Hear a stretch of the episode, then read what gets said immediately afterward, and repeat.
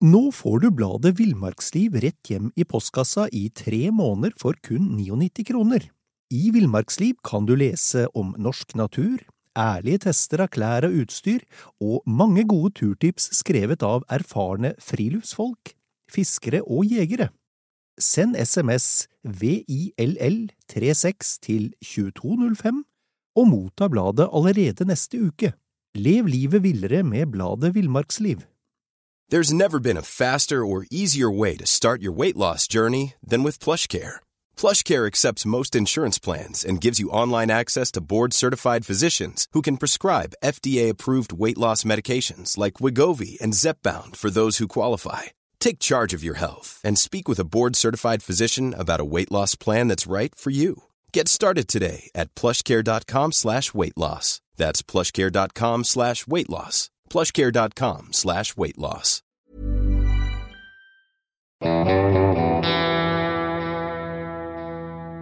Velkommen til podkasten Villmarksliv. Mitt navn er Knut Brevik, og jeg er redaktør i bladene Villmarksliv, Jakt og Alt om fiske.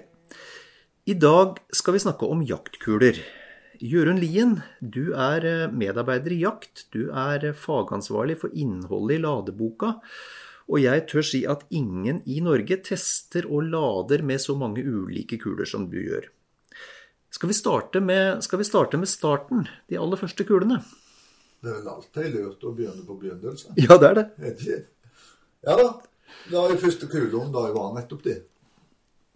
Da jeg var runde kuler. Eh, Støpt av blått bly i relativt enkle former, som nødvendigvis ble mai og mai forbedra etter hvert som tida gikk. Men da Og som sagt, runde kuler, og det, det navn, eller det fenomenet vi handler med, som vi kaller det kuler den dag i dag, enn om det korrekte navnet er prosjektil på de avlange mm. ting som vi sender ut av rifla i dag. Ja. Altså, hva, hva, hva, snakker vi om sånn i forhold til tid her? Når starta, når, når starta man omtrent å, å bruke rundkuler, og når slutta man med det? Ja, rundkuler det starta vel i, i, begynnelsen med jeg på å si ildhandvåpen. Mm. Uh, på ruta at jeg er sikker, vi tipper rundt 1500-tallet. Ja. Og så holdt det vel på til noe ut på 1800-tallet. 1830 var nevnt. Ja. At da begynte langkulene å komme. Ja. Og, og, hvilke fordeler innebar det, det at man fikk en avlang form på kulene? Eh, den viktigste tingen var i kombinasjon med rifflinjer. Eh, I glattløypa munnladning, der du bare stapper kula inn i løpet oppå krutladningen, så gikk hun nødvendigvis bare omtrentlig rett fram. Mm, mm. Da riflinja kom, og, og, så kunne du utnytte den mye bedre med av lang kule med bæreflate som tok riflinje. Ja. Nødvendigvis med det problem det skapte i ammonladning, der som du måtte ha kula inn i munnlinja. Men, men, det her med rifling, bare så vi tar, tar alt helt fra grunnen av, hva, hva, gjør det, hva gjør riflinga med kula? Se til rotasjon. Alle som har leka med og bass, vet hvordan det fungerer. Så lenge som rotasjonshastigheten er høy nok, så er snurrebassen stabil og kan klare seg oppreist. Når det hastigheten gikk ned, så var den ustabil og begynner å sjangle og kante til slutt. Og, og det er hele vitsen med rifflinjer.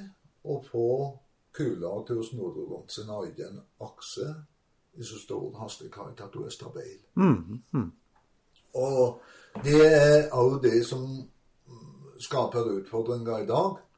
Uh, dels med uh, homogene kuler som uh, mange har tendens ennå, faktisk. De har ikke lært at homogene kuler må ha samme lengde som tradisjonelle spacekula som passer til riflestegningen.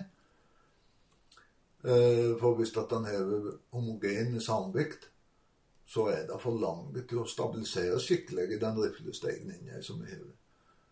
Og òg det siste året, så særlig, så har det dukka opp mange veldig lange kuler med ekstrem høy BC, som også faktisk krever høyere eller krappere riflestegning. Altså mais når på kula. Nettopp.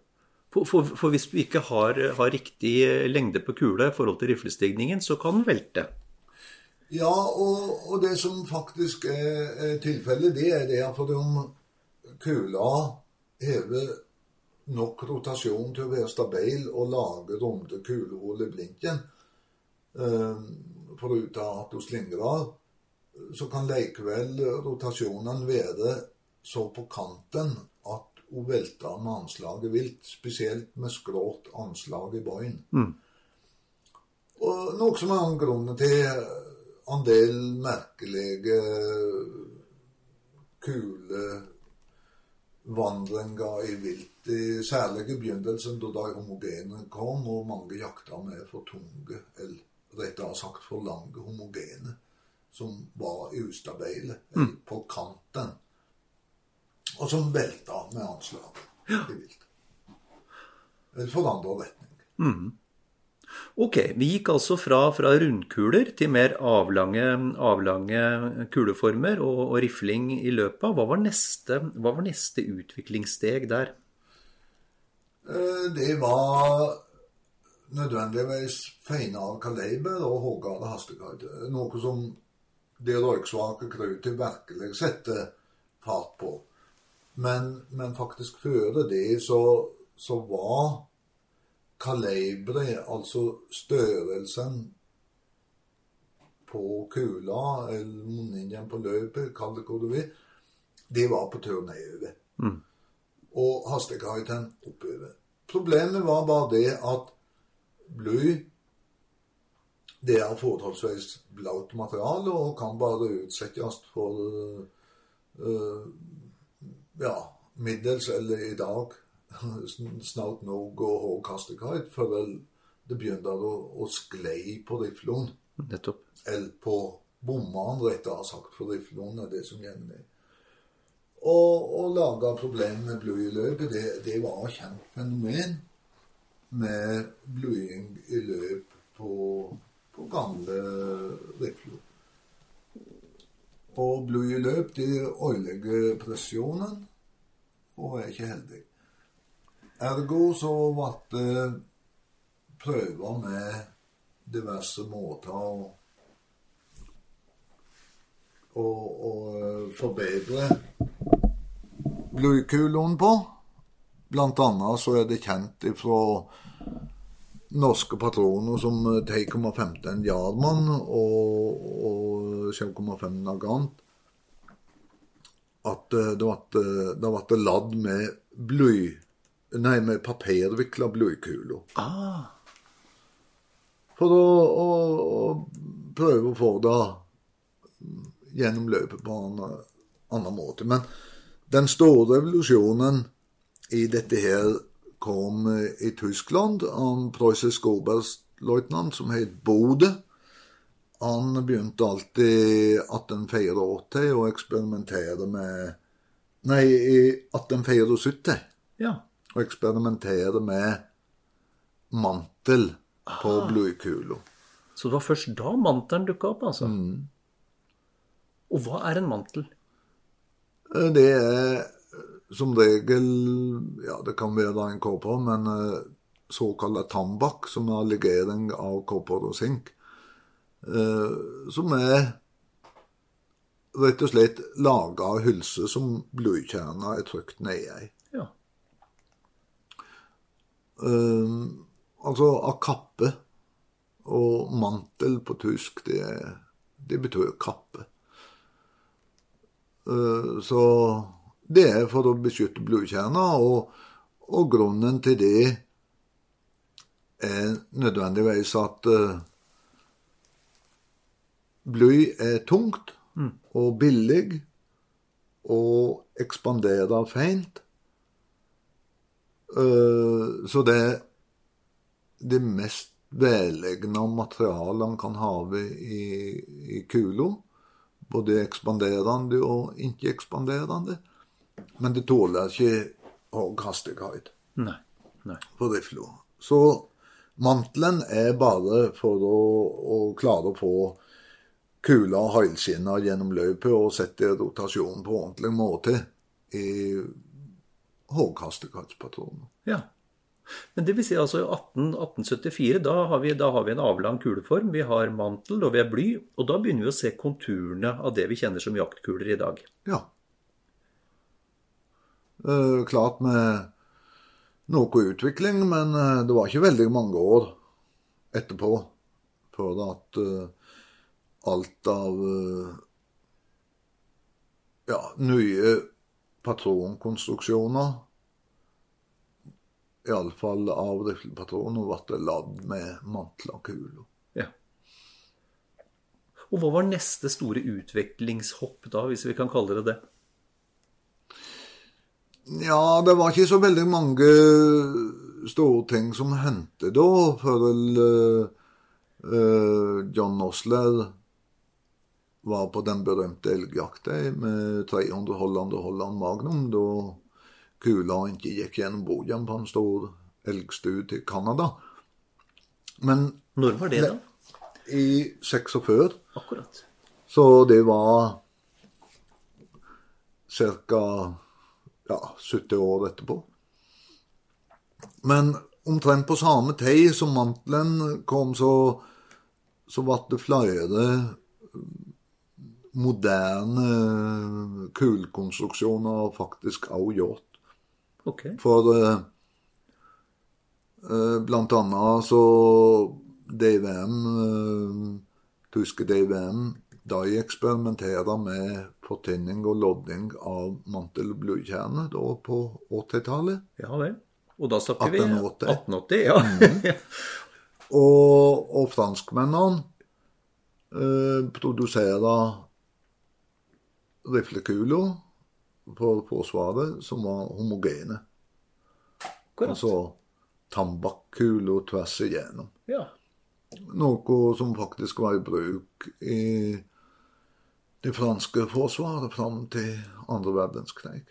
Så lodda kuler og homogene kuler er ikke noe som kom rundt 1990. Er det ikke rart med altså, det meste er tenkt Det, på før? det er 100 år gammelt. Eller hva, da det kom. Ja. Ja. Men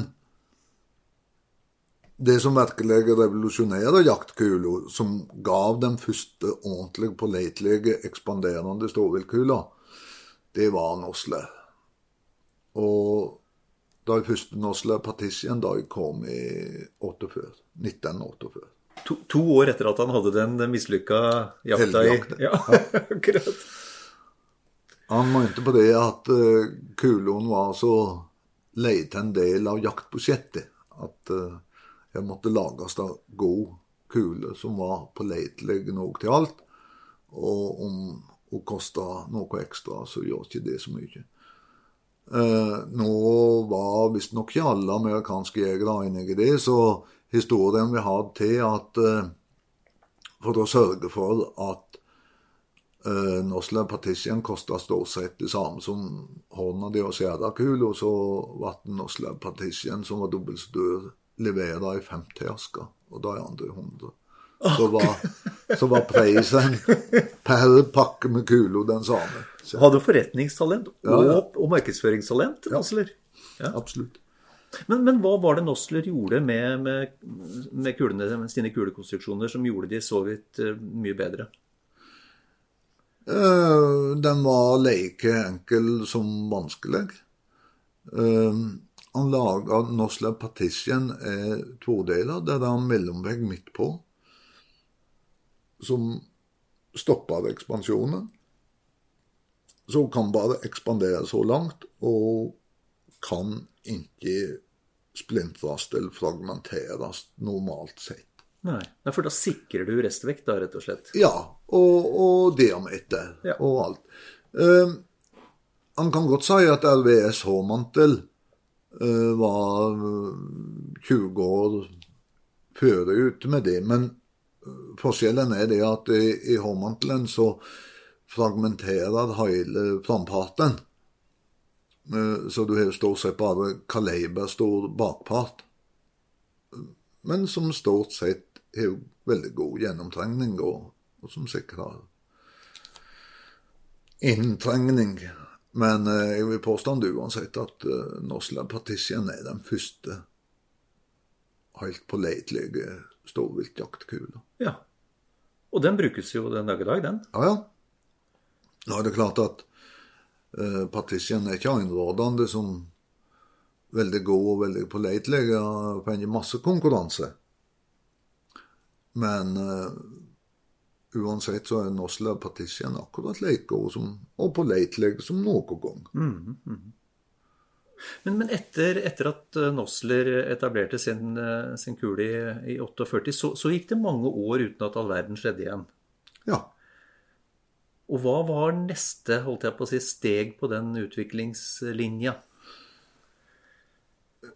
Altså, bortsett fra enkelte små, nærmest private hobbyforsøk, så, så var det ikke før eh, seint på 80-tallet, eh, fram mot 1990, at det virkelig kom sving i, i produksjon av Kall det superkulo, premiumkulo, hva som helst. Eh, Blant de første så var om jeg minnes riktig, så var vel kanskje Bitterrot en av de første med lodda mantel og blodkjerne og, og Swift A-frame og Trophy Bonded. Um, det var to av de første premiumkulene. Um, Swift A-frame er ja, enklest å beskrive som en uh, Nosla Partition Coupé. Der fremre, fremre blodkjerne er, er lodda til mantelen. Akkurat. Og Trophy Bonded, uh, det er homogen bakre del og uh, lodda blodkjerne fremre del. Så da er to er blant de absolutt mest pålitelige. Så kom Barnes X. som homogen ekspanderende. Og de tre der er ennå blant de beste og mest pålitelige kula til stort vilt. Ja. Barns og Swift og Trophy Bonded. Vi skal jo snakke mer om de forskjellige mm, kuletypene etter, etter hvert, men, men bare sånn av ren nysgjerrighet, hva var årsaken til at det, det, det poppa opp den ene kulekonstruksjonen etter den andre på 80- og 90-tallet? Hva var det som hadde skjedd da? Det var vel ikke noe mye innvikla, eller det som eh, skjer med eh, patronen. Altså, når én kommer på en god idé, så er det flere som vil være med på den, og, og, og det hender det samme. og det begynte det, Altså, det var skrevet i amerikanske våpen- og jaktblad om uh, hvor fantastisk de kulene var på eh, stort vilt og Altså Mange ville ha bit av den samme kaka, og, og de begynte å produsere, og det ble bedre og bedre kvalitet.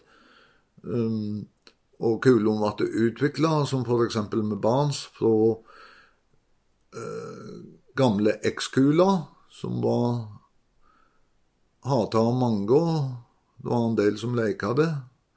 Eh, Det kom vel mest an på hvor god løp uh, Barnes X-kulen ble skutt i. Og, og Hvor flink du var til å du- Ikke minst. Ikke minst. ble utvikla til Bans TE6 og Bans TT6, som har minka veldig på det problemet. Men eh, altså Det ble plutselig en trend, og ja, det har vel òg med å gjøre alminnelig velstand og at folk ble mye, mye Altså, den jevne jeger har blitt mye, mye interessert i, i kuler og resultat i vilt og inntrengning og restvekt og kjøtøylegging og alt i hop. Du, før, vi, før vi begynner å se på jaktkulene sånn i detalj, Jørund, eh, skal vi si noe kort om hvilke krav vi setter til ei jaktkule? Altså, Hva forventer vi at en jaktkule skal, skal gjøre for oss? Altså, alle venter at jaktkula skal ta livet av viltet effektivt. Altså, den perfekte jaktkule, den feller viltet i smellen. Uh, lager uh, av sårkanal som er to-tre ganger stor som kulediameteren. Uh, foruten å blåslå noe som helst kjøtt. Uh, gjeng tvers gjennom dyret med lekestort inngangshull som utgangshull. Og faller død og maktesløs til bakken en meter bakom døra. Det vil være den perfekte jaktkule. Hvorfor har jeg kjøpt denne? Han finnes dessverre ikke, Knut. Uh, men, men, det er klart at det som vi vil ha, uh, det varierer noe fra hvem du er som jeger. Altså uh, spesielt elghundjegeren, den som jakter med laushund, han vil helst ha kul som ikke gjeng gjennom elgen.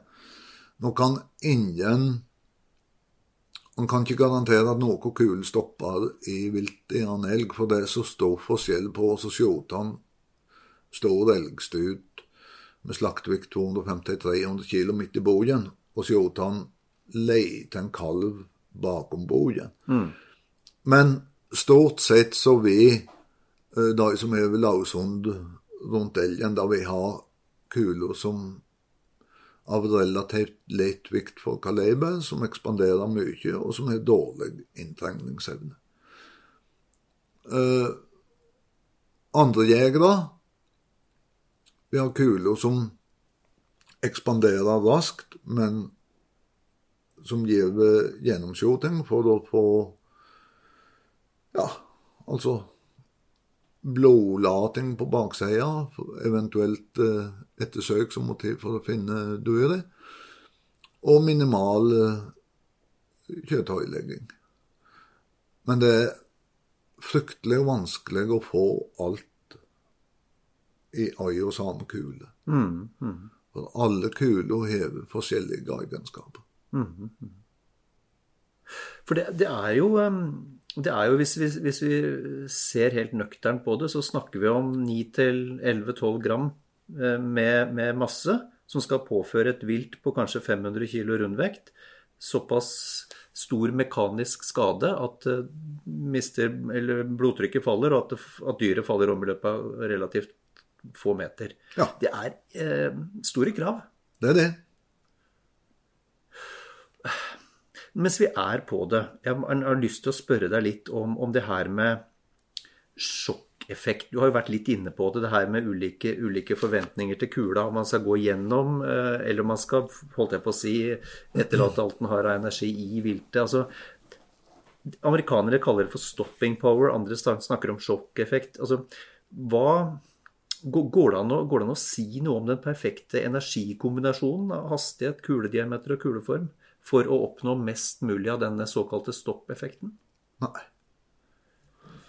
Det er veldig mange som har prøvd. Roy Wedderby han mente det kom bare an på hastighet. Uh, andre preker om det som du sa, om å legge igjen energi i duret. Og det er en veldig vanlig oppfatning. At uh, når kula stopper i viltet, da har hun brukt opp all energi. Da får du mest mulig stoppeffekt. Men uh, da det kan ikke jeg få til å passe, for det at før hun stoppa det, og idet hun stoppa det, er jo null effekt. Den perfekt jaktkula den ville ekspandere til full diameter i skinnet. Passere tvers gjennom viltet med samme hastighet hele veien. Mm. Og som sagt faller Dao og maktesløs ned på baksida. Mm. Kula som stopper inne i viltet, bruker opp energien, ja, det er så.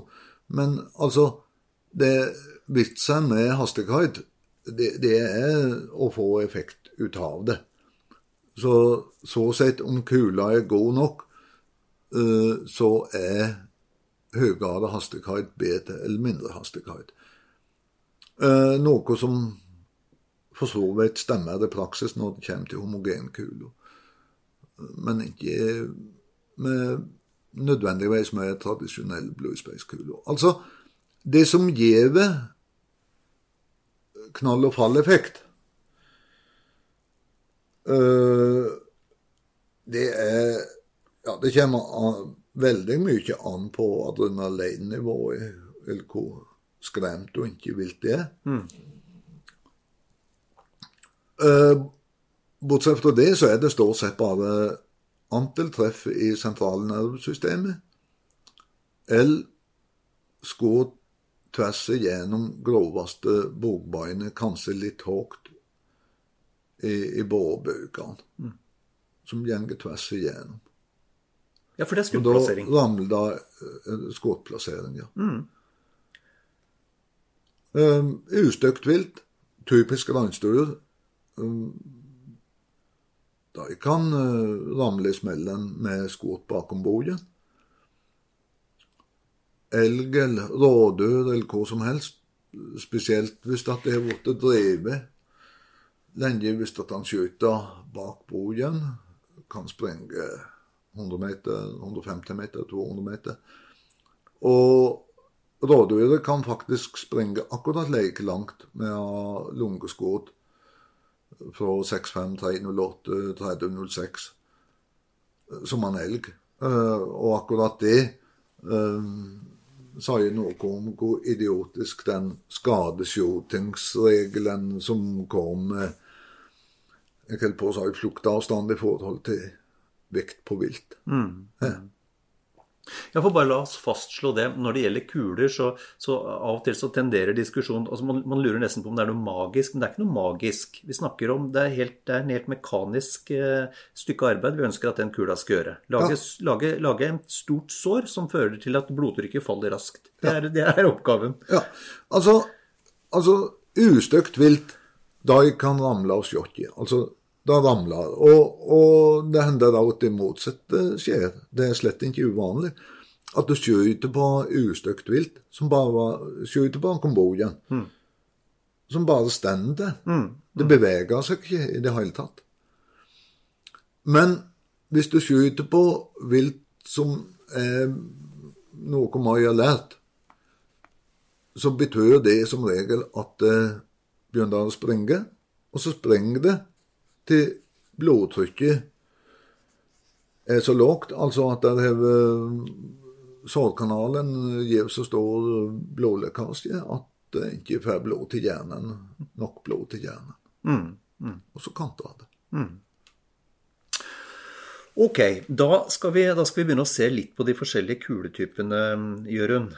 Um, og skal vi, skal vi sånn grovt sett skille mellom ekspanderende og ikke-ekspanderende? Ja. Skal vi se litt på de ekspanderende først? Hva slags, eh, hva slags ja typer eller, eller kanskje motsatt, at han tar de ikke-ekspanderende. For det er veldig enkelt. Da starter vi med det enkle. Ja, for til norsk jakt så er det bare tradisjonelle heilmantelkuler som er bruka på jakt på små matvilt. Ja. Altså typ skogsfugl og sånn noe. ja. Så, så de er De er veldig lei til en gruppe sammenlikna med de ekspanderende. Ja, Som ja. er det vi tenker på som jaktkuler. Men når vi nå en gang er på det, um, skal vi si litt om, om kuleformen som har vist seg, eh, vist seg effektiv der?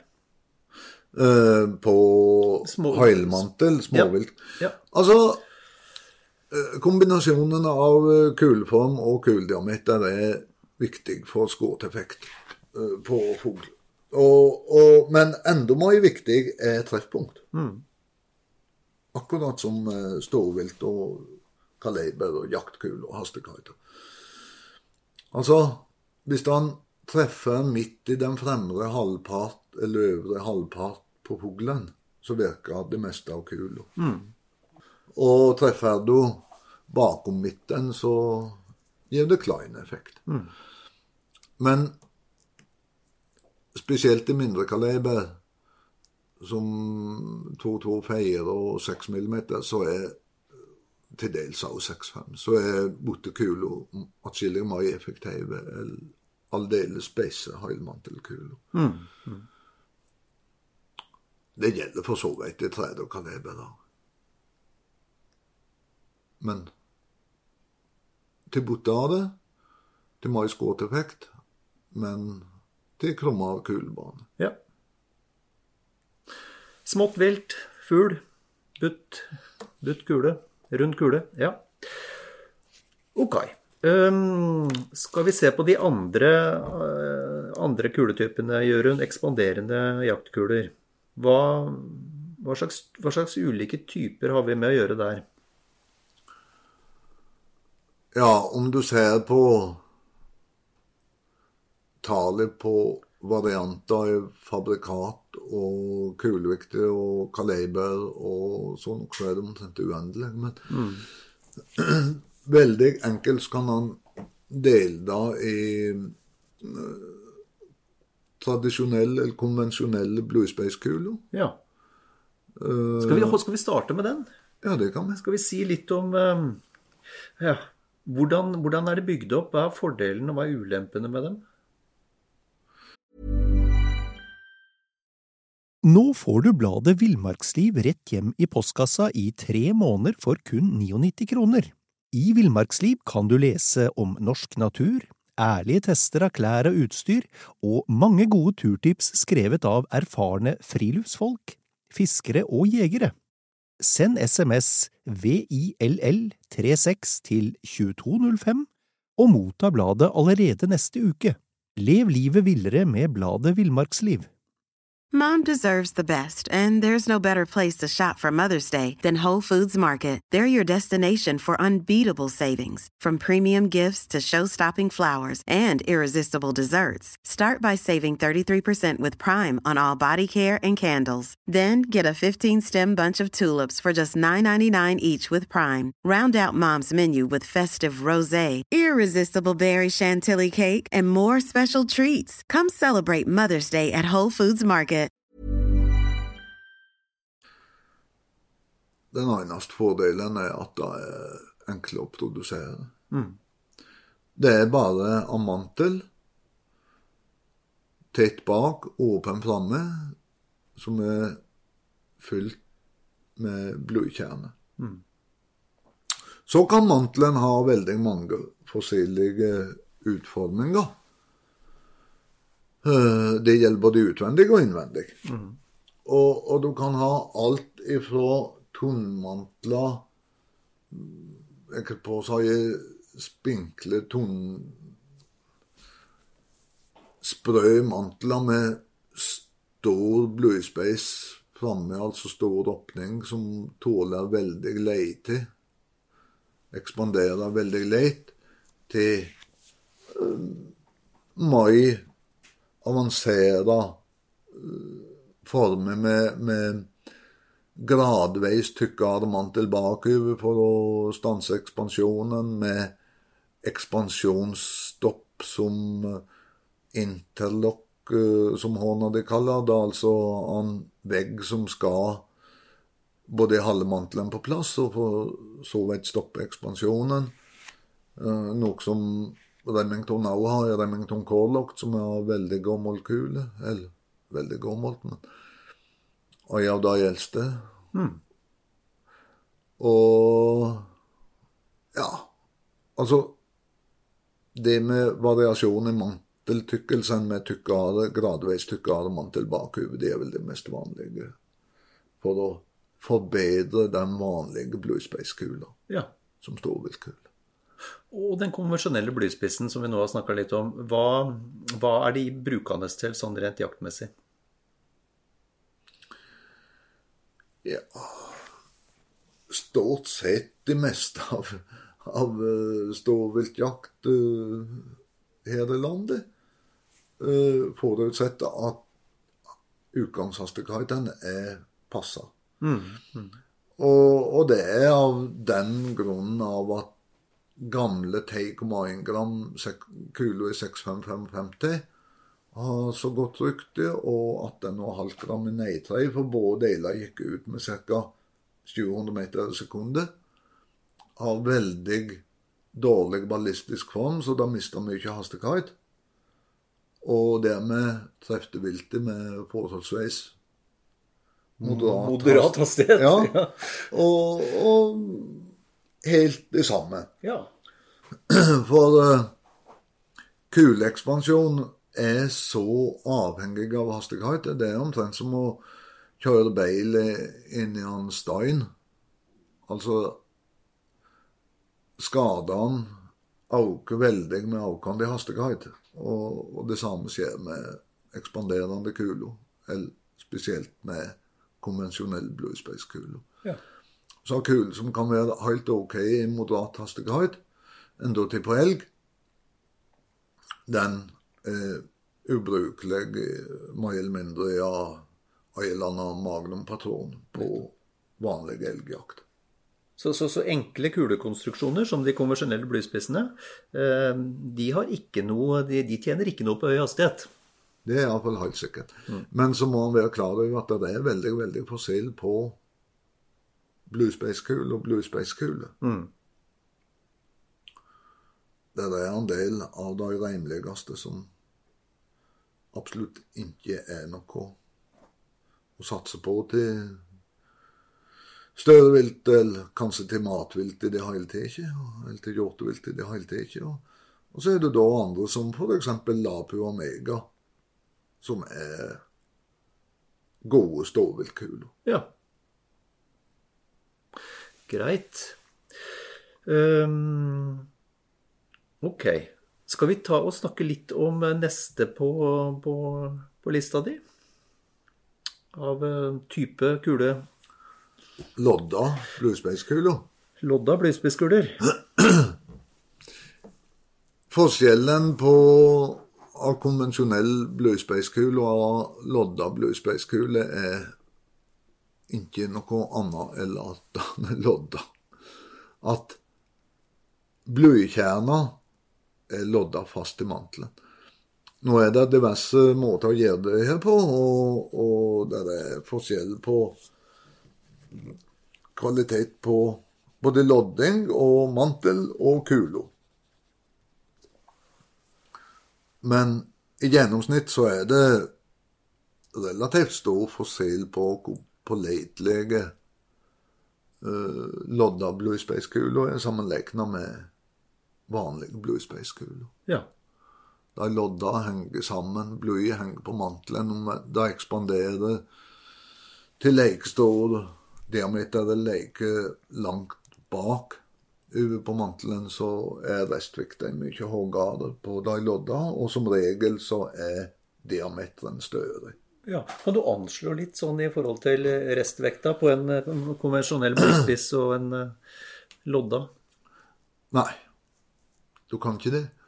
Eh, Det er så avhengig av hvor det treffer og, og, og alt sånne ting, og, og kuletype og sånn noe. Men om du ser på Norma Oryx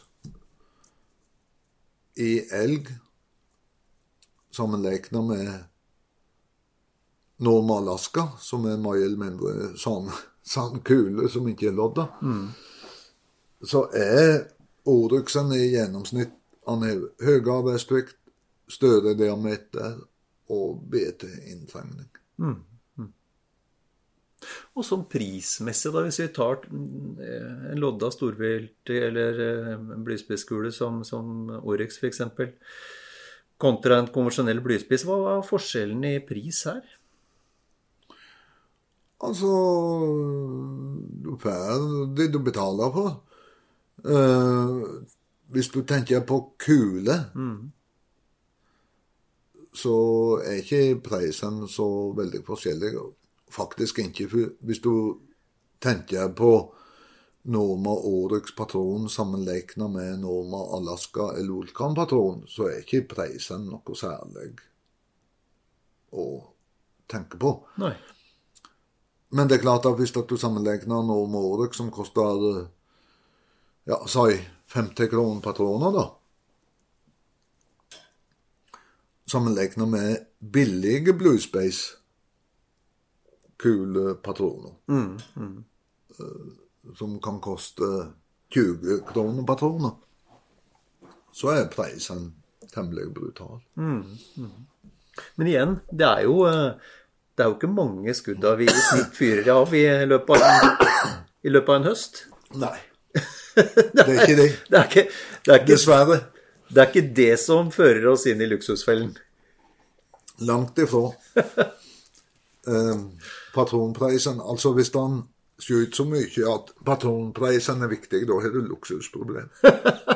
Det, det jaktlag vil jeg gjerne være med i. Ja. Og vi tar gjennom å betale prisen for å handle nok patroner. Ja. Ok. Men da har vi snakka litt om, om eh, konvensjonell blyspiss og, og lodda blyspiss. Um, neste, neste ut da, det blir altså lodda kuler med ekspos, ekspansjonsstopp. Ja, eller om du skal ta bluespace med ekspansjonsstopp, så er det stort sett Nosla Partition det gjelder. Og lodda med ekspansjonsstopp, så er typisk Swift A-frame uh, og Trophy Bonded. Altså, det begynner å komme andre, men, men det er typisk deg. Og hvordan er de i forhold til altså hva, Når vi snakker restvekt, når vi snakker uh, diameter, hvordan er de i forhold til uh, henholdsvis uh, de billigste, de lodda storviltkulene, og, og lodda kuler med, med ekspansjonstopp? Altså, lodda med ekspansjonstopp vil generelt ha høyest restvekt av alle eh, med Blue Space-kule. Um,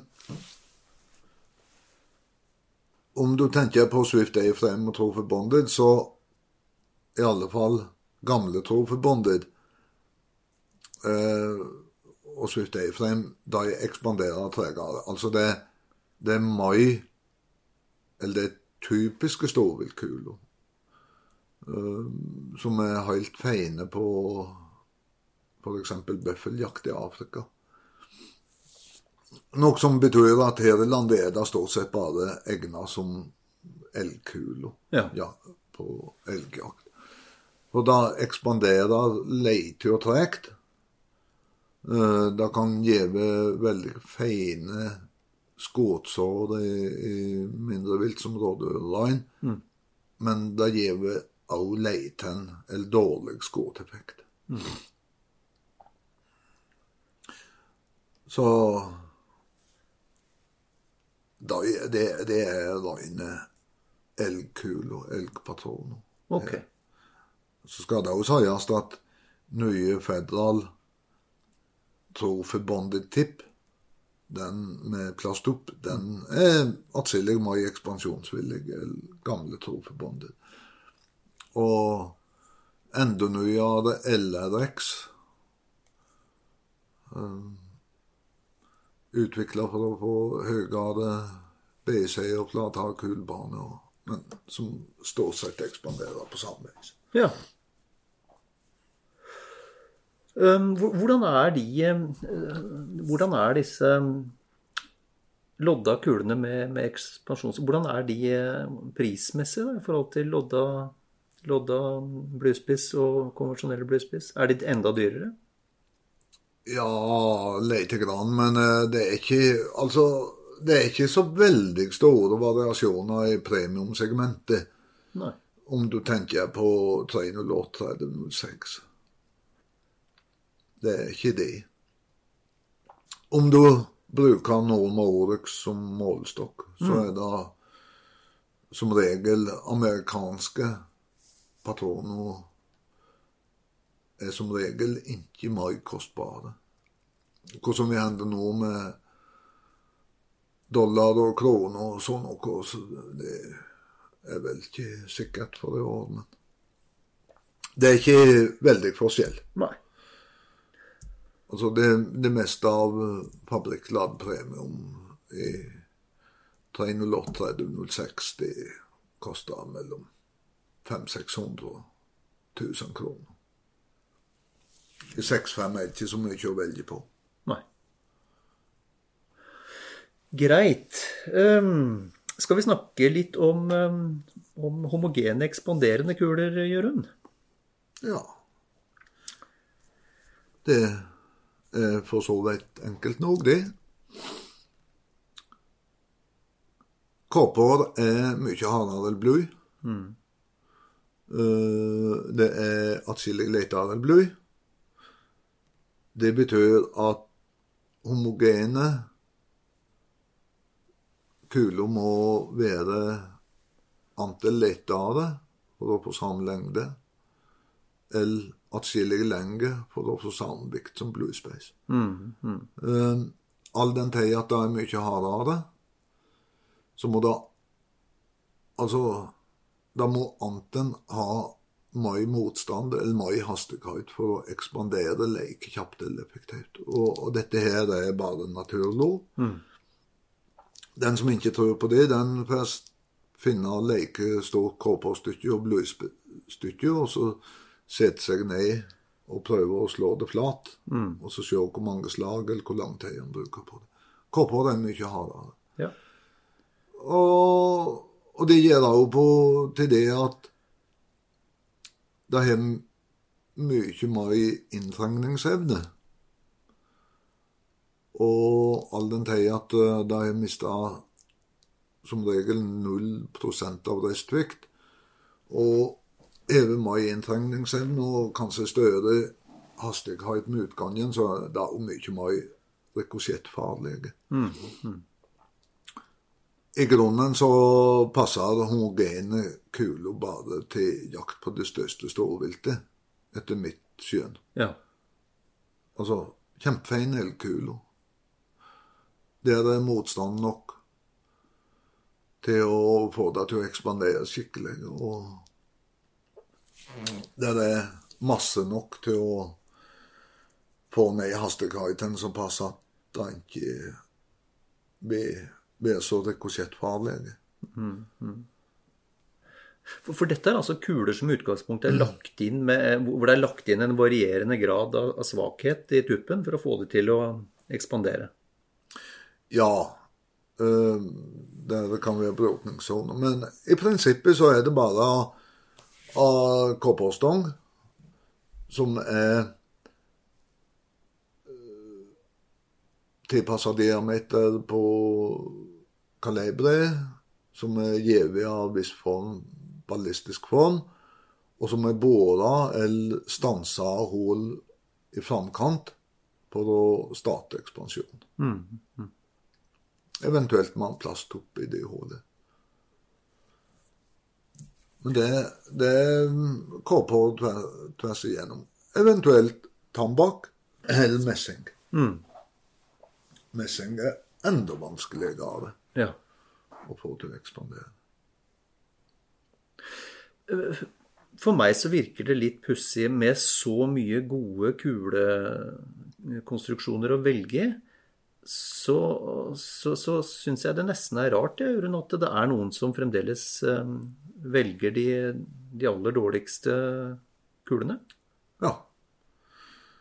Og det er stort sett bare av pris, eller altså vesentlig. For enkelte så er det nok uvitenhet òg. Men det er veldig mye prisspørsmål.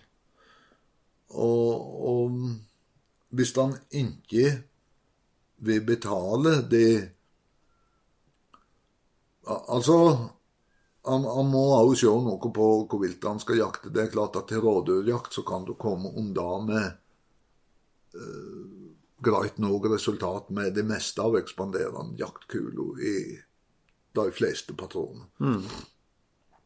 Til dels på røyn, men eh, på elg og hjort så, så vil jeg ha bruka gode patroner ladd med gode ekspanderende jaktkuler. Og hvis han ikke vil betale for de mest kostbare, så i alle fall sørge for at han eh, handla middelklassepatroner, da. Mm. Eller i middels prisklasse. Mm, mm. Ja, for det, jeg tenker det er jo litt surt. altså de fleste, de fleste, går jo en hel høst, og, og er de kjempeheldige, så, så, så, får vi skyte et storvilt, kanskje. Og da vil det jo være fortærende, da. Hvis, hvis, det var kula som skulle ødelegge den ene muligheten du fikk den høsten. Ja. Uh, ta sko til midt i bokfjøla i Panelg, og der stoppa kula. Mm. Og elgen går veier med ettersøk som resultat. og Dårlig stemning på koia om kvelden? Ja, og bare felt, forhåpentligvis felt av hundefører eller i ettersøket på en eller annen måte. Mm, mm. Nei, det er ikke verdt det i det hele tatt. Altså Hvis du ikke har råd til å betale for gode storviltpatroner, og da mener jeg kula, ikke kaliber så, så, kan jeg ikke fatte at du kan ha råd til å på jakt i det hele tatt. Men, men, det er noe likevel så er det noe mitt inntrykk. Jeg vet ikke hvordan, hva, hva, du tenker, Jørund. Men jeg synes, for meg så virker det som om jegere har blitt mye mer opptatt av øh, kvaliteten på kulene de bruker de siste åra. En helt annen grad enn tidligere. Eh, ja. Øh, unge jegere. Dette her er rimelig avhengig av alder, altså. Ja, ja. Det er ennå øh, at gamle elgjegere, som vi sier, mm. med heimevernsuniform og Mauser Ikke at det er noe galt i han til heimevernsuniform eller Mauser, men da har han tendens til å spørre meg om pris, mm. eller hvor egna den kula som patroner er ladd med til den jakta. Men som det meste andre så har det blitt mye bedre de siste 10-20 årene. Jeg lurer på, Jørund, skal vi sånn litt sånn avslutningsvis eh, Kan du si litt om eh, hva slags kuler du kunne tenke deg å bruke til, eh, til norsk storviltjakt? Og da tenker jeg rådyr, rein, hjort og elg. Ai og sam kule i ai og sam patron til alt? Ikke nødvendigvis, nei. Nå tenker jeg bare om du kan si noe generelt om valg av kuler til, til de ulike storviltartene i Norge. Ja, altså da, da er det to retninger. Og så velge ei kule til ein viltart. Ja, men det er spennende. La oss, la oss ta den før. Mm.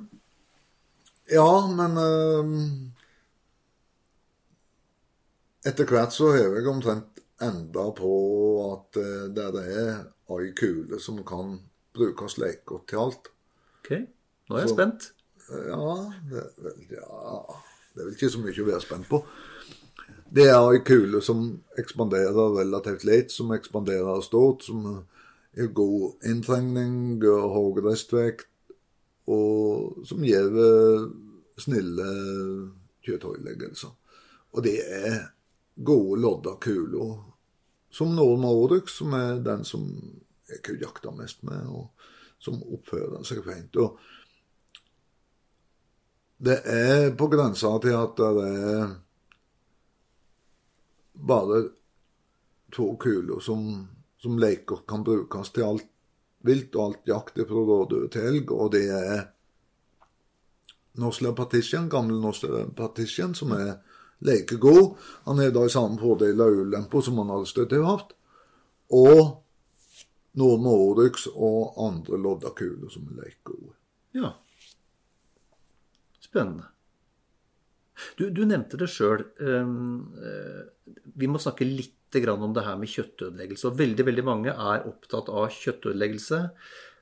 Hvor mye er kulas skyld, og hvor mye er skuddplassering og viltets oppførsel sin skyld, holdt jeg på å si, når det gjelder kjøttødeleggelse? Hmm. Ja. Det var et godt spørsmål.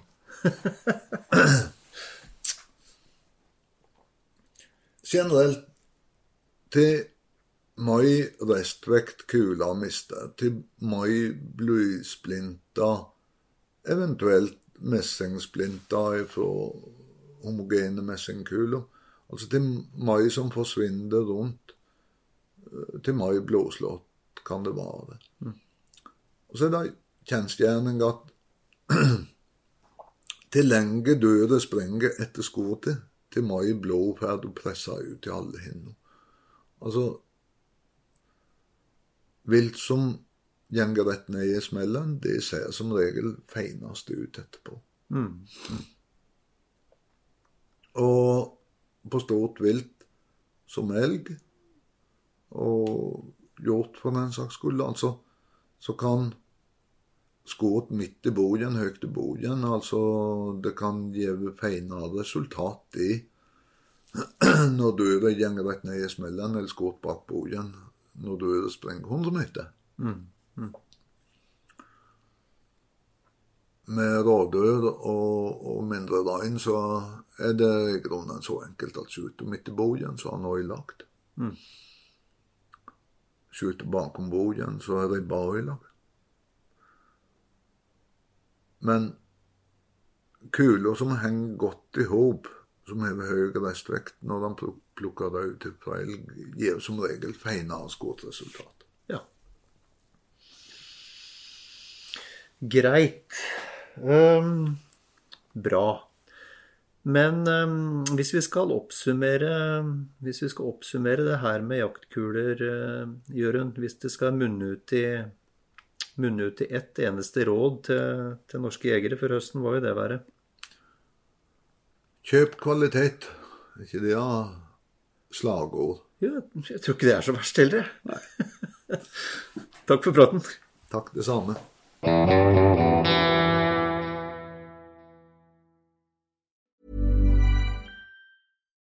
Nå får du bladet Villmarksliv rett hjem i postkassa i tre måneder for kun 99 kroner. I Villmarksliv kan du lese om norsk natur, ærlige tester av klær og utstyr, og mange gode turtips skrevet av erfarne friluftsfolk, fiskere og jegere. Send SMS VILL36 til 2205 og motta bladet allerede neste uke. Lev livet villere med bladet Villmarksliv. Hey, it's Danny Pellegrino from Everything Iconic. Ready to upgrade your style game without blowing your budget? Check out Quince. They've got all the good stuff shirts and polos, activewear, and fine leather goods, all at 50 to 80% less than other high end brands. And the best part? They're all about safe, ethical, and responsible manufacturing. Get that luxury vibe without the luxury price tag. Hit up quince.com slash upgrade for free shipping and 365 day returns on your next order. That's quince.com slash upgrade. Planning for your next trip? Elevate your travel style with Quince. Quince has all the jet setting essentials you'll want for your next getaway, like European linen, premium luggage options, buttery soft Italian leather bags, and so much more. And is all priced at 50 to 80% less than similar brands. Plus, Quince only works with factories that use safe and ethical manufacturing practices. Pack your bags with high-quality essentials you'll be wearing for vacations to come with Quince. Go to quince.com/pack for free shipping and 365-day returns.